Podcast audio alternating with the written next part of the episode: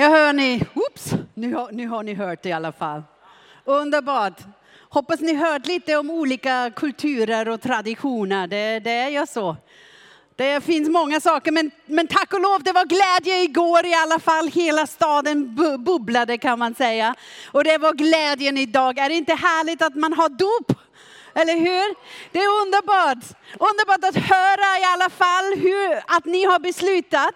Och det är inte bara för barnen. Alltså jag, jag jag kommer ihåg en tid där alla barn var bara fram där och vi var nästan rädda att vi döper någon ofrivillig för att de ramlade in. Alltså underbart. Och hörni, när jag uh, när jag förberedde mig för idag, då var det så att Gud ledde mina tankar också till ett dop som vi kan läsa om i Bibeln. Och det var i Apostelgärningar kapitel 9, eller 8, förlåt, 8, 26 till 29. Det var dopet av den etiopiska hovmannen. Och istället för att läsa det eller ska jag läsa det? Nej, det är lite sent. Jag, jag, jag gör en, en berättelse, jag sammanfattar. En ängel från Gud sade till Filippos, som var en profet och en diakon, att gå till en viss ökenväg som ledde till Gaza. Och Filippos han följde ängelns instruktioner och där på vägen så fann han en mycket viktig man som red i en vagn. Och det är så roligt för det står där att han sprang bredvid den här vagnen. Och så hörde han att den här mannen läste högt från en skriftrulle från Jesaja. Och då var det så att han sprang till Filippos och frågade, fattar du vad du läser? Och den här mannen säger, hur ska jag fatta om ingen förklarar det till mig? Och så bad den här mannen, kom kliv in här i vagnen. Och så gjorde Filippos det. Och så satt, och, satt han i vagnen och så förklarade han till Filippos, äh, till hovmannen, allt vad han läste. För det var så att, att den här hovmannen, han läste från Jesaja. Jesaja 53. Och kapitel 53 i Jesaja, det handlar om Messias. Och vi vet det som var profetian om Messias då, det var Jesus på den tiden. Så Filippus kunde verkligen förklara till honom det här om Jesus och, och vad det betyder och allt det här. Och Filippos, ni vet, det Alltså det är också intressant att läsa om honom. För Filippos var en av de sju diakoner som valdes i Apostelgärningar kapitel 2, eller 1 och 2. De första församlingen. Han var en av dem som var trogen, som man verkligen litade på. Och där i den första församlingen, då hände ganska mycket. Den växte ju på en gång. Pingstdagen när det kom, då var det 5000 människor som beslöt sig att följa Jesus. 5000. Tänk hur långt det ska ta att vi ska döpa 5000 människor. Då börjar vi klockan sex på morgonen och klockan tolv på midnatt står Kalle där och fryser. Då har vi många dopförrättare. Ja. Men det var, alltså det bubblade i den första församlingen. Men det var inte alla som var bara positivt till det. Och då blev det så att de fariseerna, de som inte tyckte om Jesus när Jesus levde, de bestämde sig, nej men det här måste vi stoppa. Det här det tar över. Det, det, det, det, det påverkar vårt samhälle på det sättet att vi vill inte ha det så. Vi vill att de lyssnar bara på oss och inte på den här församlingen och följer den här Jesus. Och så började förföljelse. Och på grund av det så spred sig den här första församlingen över hela landet. Och det här i Apostelgärningar kapitel 8, då läser man, alltså du vet när man läser Apostelgärningar, det är som en film. Det händer någonting hela tiden. Och, och där på slutet av Apostelgärningar, det är där Filippos är på gång och träffar på den här etiopiska hovmannen. Den etiopiska hovmannen, där har vi ingen namn på honom. Vi vet bara att han var från Etiopien. Och det var på den tiden var det mer södra Egypten och norra Sudan. Vi vet att han jobbade för någon som hette Kandase, men det var inte en namn Kandase. Kandase var mer en titel eller en beskrivning för en drottning den ledande kvinna i landet. Och den här etiopiska mannen, han var betrodd med en jättehög position position där han hade ansvar över hela drottningens skattkammer. Och det var jag inte liten kan jag tänka mig. Men vi vet inte mycket om honom. Vi vet bara att han var i Jerusalem för han ville tillbe. Och där köpte han, måste ha köpt den här Jesaja skriftrullen och så var han på vägen hem. Det var allt som vi vet, men jag tycker att det ändå säger ganska mycket.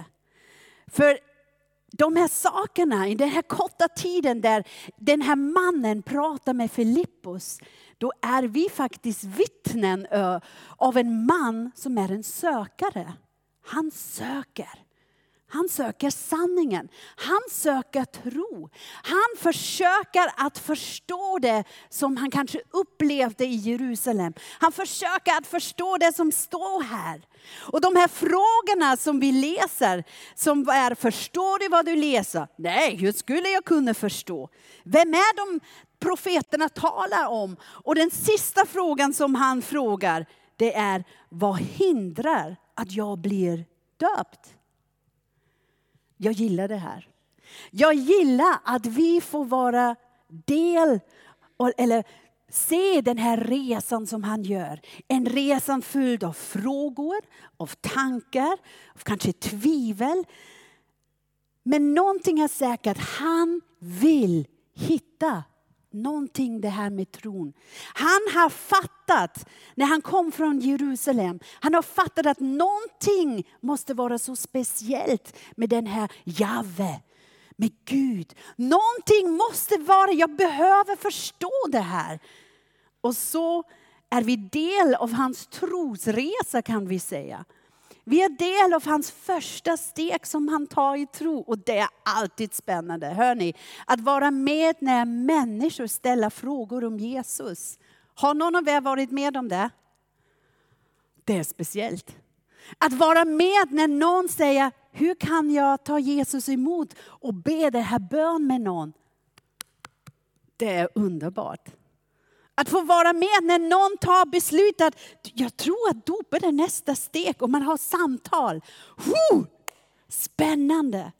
Men vet ni, varenda steg vi tar i tro är spännande. För det leder oss närmare Gud och det leder oss närmare det här plan som Gud har för ditt liv. För han har en speciell plan för ditt liv. Det är inte bara att du är nu i en kyrka och så behöver du precis se ut som alla andra. Precis gör vad alla andra gör. Nej, du försöker Gud. Och du får upptäcka vad Gud har för ditt liv. Ah, underbart! Så den första steg som vi vittnar här, det är faktiskt en steg som vi alla behöver ta. Att söka Gud. Det första steget att du söker Gud. Men det är också det här steget som vi aldrig blir av. För att söka Gud är någonting som vi kan göra varenda dag i vårt liv. Vet ni, den här etiopiska vännen, han visar oss hur du och jag ska göra det. För han, vad var det som han gjorde? Han gick till en plats där Gud tillbes. Han visste det. Han hörde om det här. Jerusalem, där tillber de Gud. Då vill jag gå dit. Och vad gjorde han näst? Han köpte en bibel, inte en bibel, han köpte skriftrullen Jesaja. Men vi, vi kan köpa en bibel. Och jag tänker med de två sakerna så har han verkligen visat det här är bästa sättet att söka Gud. Gå till en ställe där, Guds, där Gud tillbes och läs Guds ord. För det är det bästa sättet att söka. För här finns det de sakerna som, som leder dig närmare Gud. Och jag vet ju inte hur ofta du har varit i en kyrka som vi, om du har kommit regelbundet eller varit på andra platser i andra kyrkor. Jag vet inte vad du tycker och tänker när vi, när vi sjunger, när någon lyfter sina händer, när de gick in där med vita kläder. Lite märkligt är det ja. Du vet vad, vad, vad, allt, vad det allt betyder. Jag vet inte vad du är i dina tankeprocess. Men en sak vet jag, att det som Gud uppmuntrar oss att göra det är att söka honom. Det står i Matteus kapitel 7, 7-8. Be och ni ska få. Sök och ni ska finna. Bulta och dörren ska öppnas för er. Ty var och en som ber, han får. Och den som söker, han finner. Och för den som bultar ska dörren öppnas. Det är en löfte som Gud ger. Han kommer inte bara öva dig om du inte vill det. Men om du söker, om du knackar, om du ber, då säger, jag, säger Gud, här är jag. Här är jag, kom. Vet ni, vi behöver inte fatta och förstå allt på en gång när vi läser Bibeln. För det, det gör jag inte och jag, jag har också varit kristen nu nästan 30 år. Oh, det gör mig så gammal. Vet ni, men jag, jag förstår inte allt fortfarande. Vi behöver inte ha alla svar eller vara utan tvivel för att be. Vi behöver bara tala med Gud. Du kan även sjunga om du tycker du inte har en så en vacker röst eller om du tycker jag kan inte sångerna. Det spelar ingen roll. Hjärtans melodi som kommer ut. Jag tror att det är ibland vad hindrar oss att vi verkligen söker Gud? För vi är så van med att vi får allt presenterat på, vad säger man, en silverfart. Färdig. Att vi kan köpa allt färdigt. Eller hur? Färdig mat kan man köpa och man kan köpa det instant. Jag kan trycka på knappen på Amazon och så får jag nästa dag leverans med ett paket framför min dörr och allt är färdigt och jag kan bara ta det. Och ibland kanske tror vi att det här ska vara så med tron också. Om jag är intresserad på tron, om jag söker, då vill jag ha allt färdigt och klart och, och bara då kan jag ta den här stegen. Men det är inte det som står i Bibeln. Det här med att söka Gud, det är pågående. Vi söker Gud och han, han låter oss finna honom. Men vi måste söka själv. Det skulle ju vara praktiskt att vi bara tar emot ett paket som någon annan producerade, någon annan paketerade, någon annan levererade och vi behöver bara ta emot det. Men då har jag någon annan gjort allt och vi litar på någon annan som har gjort saker. Men vi ska söka själva. Vi ska läsa Bibeln själva. Vi ska be själva. Jag tycker det är så lätt idag att vi bara trycker på en knapp och vi hittar någon predikant på Youtube som predikar precis de saker som vi vill höra. Så är det ja. Vi, vi letar efter en predikan med en ämne som vi vill höra. Vi lyssnar kanske på podcast eller läser artiklar som har rubriker som behagar oss som vi stämmer överens med. Så vi väljer ibland, även vad det gäller vår tro, att bara mata oss med saker som är bekvämt för oss. Men det betyder att vi söker inte Gud eller vi läser inte själva Guds ord. Vi bara tar någonting som någon annan har producerat och förpackat. Nu är det inte så att jag tror att det är allt fel vad andra har kommit fram. Men om vi enbart matar oss på det sättet, då söker du inte själva. Och det är precis det som vi ska göra med vår tron, hörni. Du behöver hitta en väg där du själv söker Gud. Vi behöver göra det. Vi behöver söka hans närvaro själv. Vi behöver läsa Guds ord själv. Vi behöver studera Guds ord själv. Det betyder att jag ibland fattar inte riktigt, men då, då måste jag veta vad står i hela Bibeln och inte bara i den här versen. Och söker och studerar det själv. För han vill att vi gör det.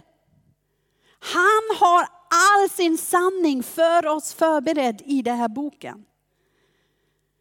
Och vet du, när vi gör det, då är det inte så att vi kan och förstå allt på en gång. Och där kommer det här med vad tron egentligen? Tron är ju verkligen att jag litar på vem? Mig själv? Nej. Att jag litar på Gud. Tro och kunskap, de hänger ihop men de är inte samma sak. Tro är inte enbart ett sätt att veta någonting. Tro är snarare ett sätt att lita på det man vet är sant. Det står i Johannes 14.6. Jag är vägen och sanningen och livet. Ingen kommer till Fadern utom genom mig. Så vi kommer alltid behöva vara sökare och söker sanningen som är Jesus. Söka livet som är Jesus. Söka Guds vilja i hans ord. Men alltid vara övertygad om att det är enbart i Jesus som sanningen för vår tro ligger. Bara i hans ord. Så allt som du hör, om du är på konferenser, nu kommer sommaren, det är många konferenser. Jag har själv predikat på konferenser och ändå säger jag till dig, allt som du hör, pröva det med Guds ord. För det, på slutändet, då är det verkligen helige ande som talar i oss. Och sök sanningen genom den helige ande. Så att söka är en jätteviktig trosteg. Den andra trosteg är att känna Gud. När vi läser Apostelgärningar kapitel 8, vers 29 till 31 så, så, står det så här. Då sade anden till Filippos, gå fram till vagnen och håll dig tätt intill den. Filippos skyndade fram och när han hörde honom läsa profeten Jesaja frågade han, förstår du vad du läser?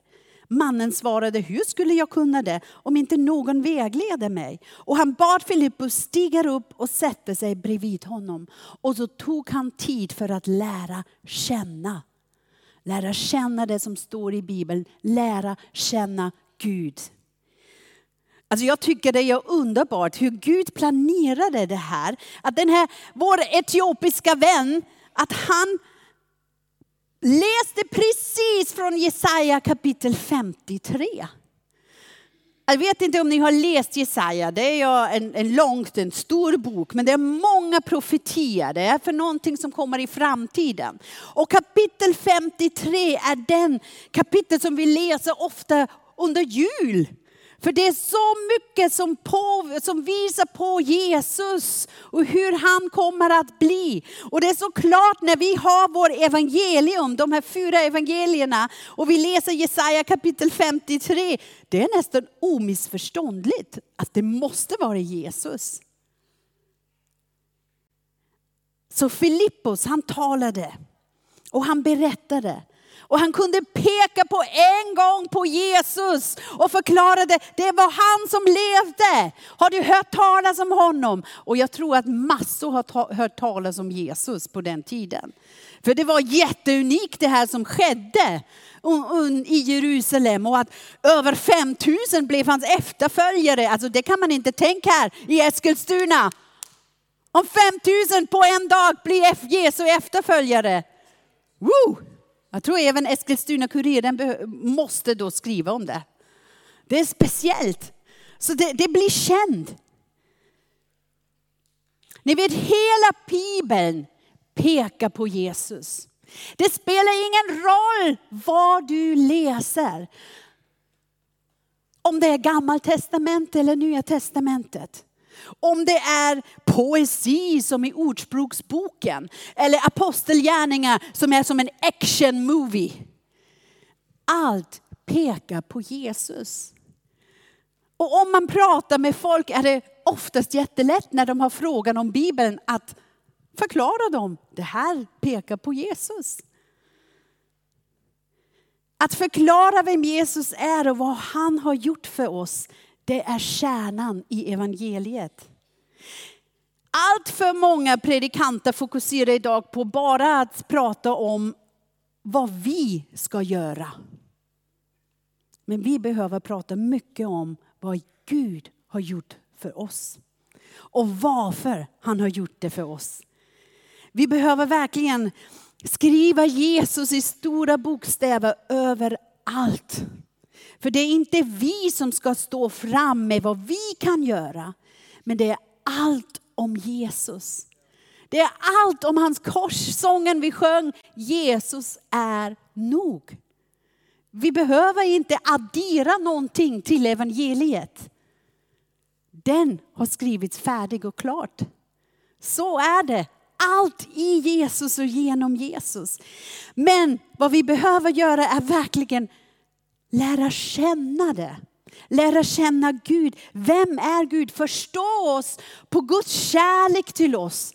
Hans nåd, hans förlåtelse, hans plan, hans helighet. Jag tror vi behöver prata om det mycket mer.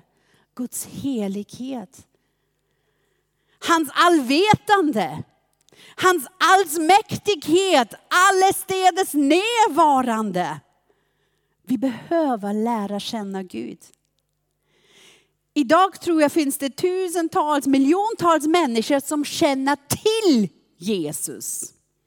Det vill säga de känner till en del fakta kanske om honom. De kanske har några bibelverser som de kan eller några bibelhistorier som de kan. De är kanske med i kyrkan ibland, ni vet, vet inte jul eller påsk så en tid där man, eller första advent kanske. Man är kanske med för det är tradition, man är kanske med för man vill en gång bli gift i en kyrka. Det hör till och därför är man med. Så man, man känner till, men de har aldrig tillåtit kunskap om Jesus att bli deras personliga verklighet. De håller kunskapen i sina huvuden utan att låta sanningen tränga in i sina hjärtan. Och ni vet Jesus själv pratade om det. I Matteus 15, 8-9, Markus 7, 6, då står det så här. Dessa människor hedrar mig med sina läppar men deras hjärtan är långt ifrån mig. De tillber mig förgäves, deras läror är bara mänskliga regler. För vet ni, det kan vara så lätt att ersätta en äkta relation med Jesus med enbart en religion. Vi tror ofta att om vi gör kristna saker så är det allt som räknas. Men det handlar inte om religion. Att lära känna Gud handlar om en relation. Och det är en stor skillnad.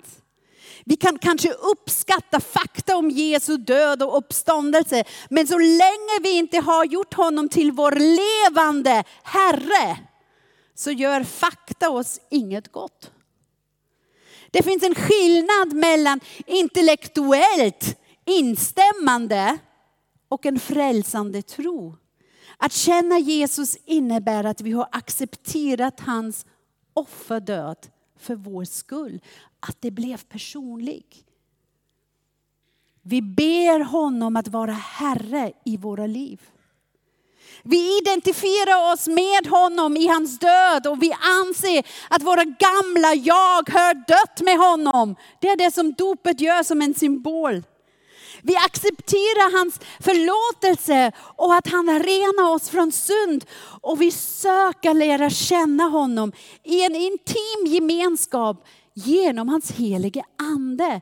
Det är hans ande som förklarar oss så mycket om vem Jesus är. Förklarar oss vem Jesus är när vi läser Guds ord. Och när vi har den helige ande i oss så kommer han och bor i oss och förändrar oss. Det är inte bara att vi släpper in den heliga ande, men att vi tillåter den heliga ande att förändra oss. Att han gör någonting i vårt liv. Att vi är en byggplats för den helige ande. De fakta vi känner till om Jesus, de blir levande när vi lär känna honom personligen. Ni vet, Jesus är en person. Att lära känna honom är att ingå i en relation. Och ni vet det största budet är du ska älska Herren din Gud av hela ditt hjärta, av hela din själ, av hela ditt förstånd och av hela din kraft. Inte bara 10 procent av ditt hjärta, kanske 25 procent av din själ. Ja, kanske 30 procent av förstånden räcker. Och med kraften då räcker kanske 10. Nej. Hela. Kan jag säga, är Gud lite girig? Han vill ha hela mitt hjärta. Hela mitt förstånd. Hela min själ. Hela min kraft. Det är ju ganska häftigt här. Men du vet, det är svårt att älska någon så mycket om vi inte känner honom. Eller hur? Men om du lär känna någon och blir kär i någon, att då kan du älska med hela kraft, med hela förstånd, med hela själ. Vad var det fjärde nu som jag saknade? Med allt. Eller hur? Att älska honom börjar med att du överlämnar dig till hans plan för ditt liv. Det är vad det innebär att göra honom till Herre.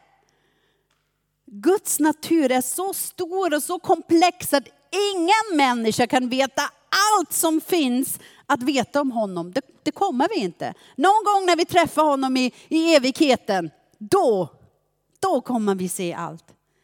Men livet handlar om att ständigt söka honom och att ständigt lära oss mer om honom i en nära relation med Gud.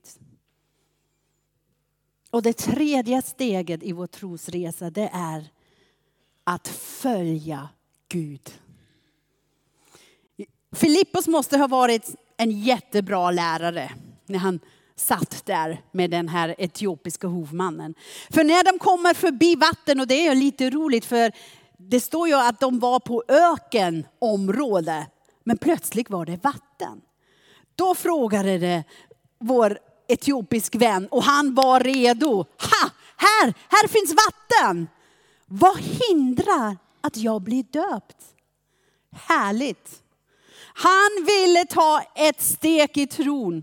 Kanske gjorde han även mer olika steg när de var där tillsammans i den här vagnen. Det vet vi inte. Men han ville ta det här steget för han måste ha hört Filippos tala om dopet. En sak är så klar. Han var inte bara någon som hörde någonting, men han ville göra någonting. Och det är det som vi kan läsa i Jakobus kapitel 1, 22-25. Då står det, kom ihåg att omsätta budskapet i praktisk handling. Om någon tror att det räcker med att känna till budskapet tar han fullständigt miste. Den som känner till budskapet men inte följer det, han liknar en man som får syn på sitt ansikte i en spegel. Han tar en snabb titt men går sedan därifrån och glömmer hur han såg ut. Ja, det kan inte hända i våra selfietider nu, eller hur? Men den som speglar sig själv i frihetens lag, i det budskap som gör oss fullständigt fria från synden och inte glömma bort vad han såg han ska bli lycklig när han omsätter budskapet i praktisk handling. Tänk om vi har samma inställning som vår etiopiska vän. Vad hindrar mig? Vad hindrar mig att? Jag vet inte vad som kommer näst i din trosresa. Vi är alla på olika vägar i vår tron. Bara en fråga, vem, vem av er har följt Jesus längre än 50 år? Kan ni räcka upp handen? Titta, underbart. Och vem av er har följt Jesus mindre än fem år? Det har vi också många. Men ni är alla på samma resan, vet ni det? Det spelar ingen roll om det är fem eller 50 år. Vi är alla på samma resan. Och alla av er kan svara den här frågan. Vad hindrar mig att med någonting som kommer? För vi har inte landat. Vi är fortfarande på en resa. Det är den här inställningen som vi behöver ha. Jag vet inte, det, det är att ge ditt liv kanske till Jesus och blir hans efterföljare. Vad hindrar dig? Vad hindrar det? Om man vill bli kristen, vet ni, då, då handlar det i grund och botten om att be om förlåtelse för alla dina synder man har gjort, omvända sig från dessa och tro på Jesus och bekänna att Jesus är Herre. Det är inte svårare än så. Det står i, i Romar kapitel 10. För om du med din mun bekänner att Jesus är Herren och i ditt hjärta tror att Gud har uppväckt honom från de döda, ska du bli frälst. Med hjärtat tror man och blir rättfärdig, med munnen bekänner man och blir frälst. Vad hindrar dig att göra det? Det är en steg som man tar. Det är bara en bön som man ber. Det är kanske så som de tre som vi såg idag, att låta döpa dig. Jag vet inte. Är det nästa steget i ditt liv? Vad hindrar dig? Dopet. Efter man har blivit frälst så vill Jesus att man ska döpa sig. Och detta gör man för att visa sig själv och omvärlden och speciellt Gud att man menar allvar med sin tro. Och att man nu tar steget in i den här kristna gemenskapen. Ni vet, ordet dop, det kommer från den grekiska baptizio, som betyder att doppa ner.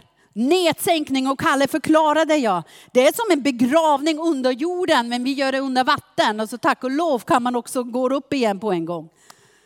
Det är en symbolisk handling. Vad hindrar dig? Det är kanske att bli uppföljd av den heliga ande. Du har kanske aldrig, aldrig upplevt det. För det var så här, när Gud har frälst oss så förlåter han oss och så då flyttar in den heliga ande i vårt liv. Men han har så mycket mer. Han har en extra kraft han har en extra styrka, han har gåvor, andliga gåvor för dig genom den helige ande. Han vill i dig göra ett verk så att du blir mer lik Jesus. Du är Guds avbild. Men vi är bara bra representanter av Guds avbild när den helige ande jobbar i oss. För vi kan inte själva. Så genom att läsa Bibeln och be och bli uppfylld av den helige ande så kommer Gud att göra ett verk i dig, att förvandla dig. Så att du kan bli förvandlad från att vara världslig till att bli andlig. Från att vara världslik att vara Kristuslik. Det står i Efesierbrevet 5, berusa er inte med vin, det leder till världslöshet.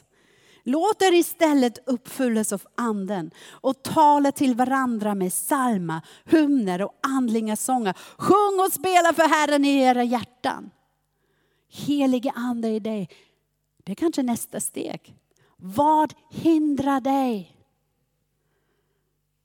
Det finns så mycket mer. Att bli aktiv i en församling, för det är det som vi blir döpt in. I Guds familj, i Guds församling. Och vår församling, det, det, kan ju bara funktionera för det är så många volontärer som säger, det här har Gud lagt i mitt hjärta, det vill jag göra och tjäna andra, så som våra söndagsskollärare här. De gör det ju inte för sig själva. De gör ju det för Gud har talat till deras hjärta och säger att det finns barn i den här församlingen som behöver höra om Jesus. Jag vill att du är en av dem som berättar för dem. Vad hindrar oss att ta plats i den församlingen som vi är. För att göra det som Gud har för oss. Du vet församlingen är en plats där vi icke-perfekter och helt normalt störda människor får uppleva Gud. Det är inte en plats där man är perfekt. Ingen av oss är. Ingen av oss. Om du har hittat den perfekta församlingen, bli inte del av den, för då är den inte längre perfekt. Vi är en plats där vi bara är som vi är och alla vill försöka att komma närmare Gud. och komma närmare varandra. Och komma närmare våra medmänniskor med Guds hjärta. Och det är en ställe där man ibland också blir sårad, för vi är bara människor och ibland ser saker eller gör saker som man kanske inte gör tillsammans med den heliga ande, men helt ärligt utav vår mänskliga natur. Ja, men då är det att förlåta och att gå vidare och säga okej, okay, tillsammans blir vi bättre. Det är Guds församling. Guds församling är en plats där vi inte är bara konsumenter, men där alla får bidra med det som Gud har gett dig och du har gåvor och du har saker i ditt liv som saknas. Det var härligt när Annika berättade vad hon upplevde att Hanna kunde ge henne. Tänk Annika som har varit barn och familjepastor för hur många år? Och hon sa, jag behöver Hanna som är hur gammal? 22. För du hade någonting som jag behövde för att komplettera. Det är Guds församling. Hör ni? Det finns inte de som är professionella och kan allt. Det finns bara vi tillsammans som kan göra någonting. Så vad hindrar dig att göra det som Gud lägger på ditt hjärta? Vad hindrar oss? Det är så många. Vad hindrar oss att öppna vårt hus för en smågrupp? Eller vad hindrar mig för att bli barnledare? Vad hindrar mig för att bli en vittnen där, där jag jobbar eller i skolan där jag är? Vad hindrar mig att, att ge mer kollekt än vad jag gjorde innan? Vad hindrar mig att kanske gå en bibelkurs eller anmäla mig för teamträningsskolan? Vad hindrar mig? Vad hindrar dig att gå den här nästa steg i din tro. Eh, och var är din nästa steg? Ärligt talat för mig själv, nu dricker jag här för jag tror att det är nästan översvämning här. För mig själv, då är det kanske inte mycket kunskap som saknas eller erfarenhet. Jag vet inte om det kanske är att jag inte kan eller att jag kanske ibland är introvertert och som hindrar mig. Jag vet inte. Men det som jag vet som oftast hindrar mig, det är bekvämlighet som hindrar mig. Det här att behöva ändra på mina rutiner eller behöva släppa in andra människor och deras åsikt det kan hindra mig. Och talar man om bekvämlighet, då är det ju egentligen en själviskhet som hindrar mig. Jag vill ha mitt, på mitt sätt, hur jag vill, när jag vill, efter mina idéer. Och behålla saker för mig. Ja, vad som hindrar mig det är oftast jag själv. Jag hindrar mig mest. Men tron handlar inte om mig. Det handlar om Gud. Tron kan aldrig vara själviskt. För det handlar om Gud. Äkta tro, frälsande tro är allt allt av mig, min sinne, mina känslor, min vilja som omfamnar allt av honom. Han som är frälsare, advokat, försörjare, upprätthållare, rådgivare, Herre. Han är Gud. Så jag behöver lämna mitt eget och ta emot Gud. Tron kräver överlåtelse. Jag överlämnar auktoritet över mitt liv till Gud. Och jag gör det med glädje. Wow! Det är inte så populärt idag, eller hur? I vår tid, i vårt samhälle, att vi överlämnar auktoritet till någon annan över mitt liv. Men grattis ni tre som gjorde det idag. Det är en sak som ni visade idag. Att ni skäms inte Att ni tycker inte att det var här fånig att ha vita kläder på sig och stiga ner i vatten. Och få blött hår och, och alla de här bitarna. Det är att överlåta sig. Överlåta sig till nästa steg. Han får bestämma över mitt liv. Han får forma mitt liv. Överlåtelse till Gud. Det är fullständig tillit till hans ledning. Det är själva kärnan i tron. Och det är någonting som man inte bara bestämmer sig dagen man blir frälst. För jag tror att man fattar kanske inte även hela biten när man säger ja till Jesus. Men det här är ett överlåtelse till Gud som vi behöver göra dagligen. Så vad hindrar oss? Vad hindrar dig? Kan vi stå upp tillsammans? Och lovsångsteamen, ni får komma upp.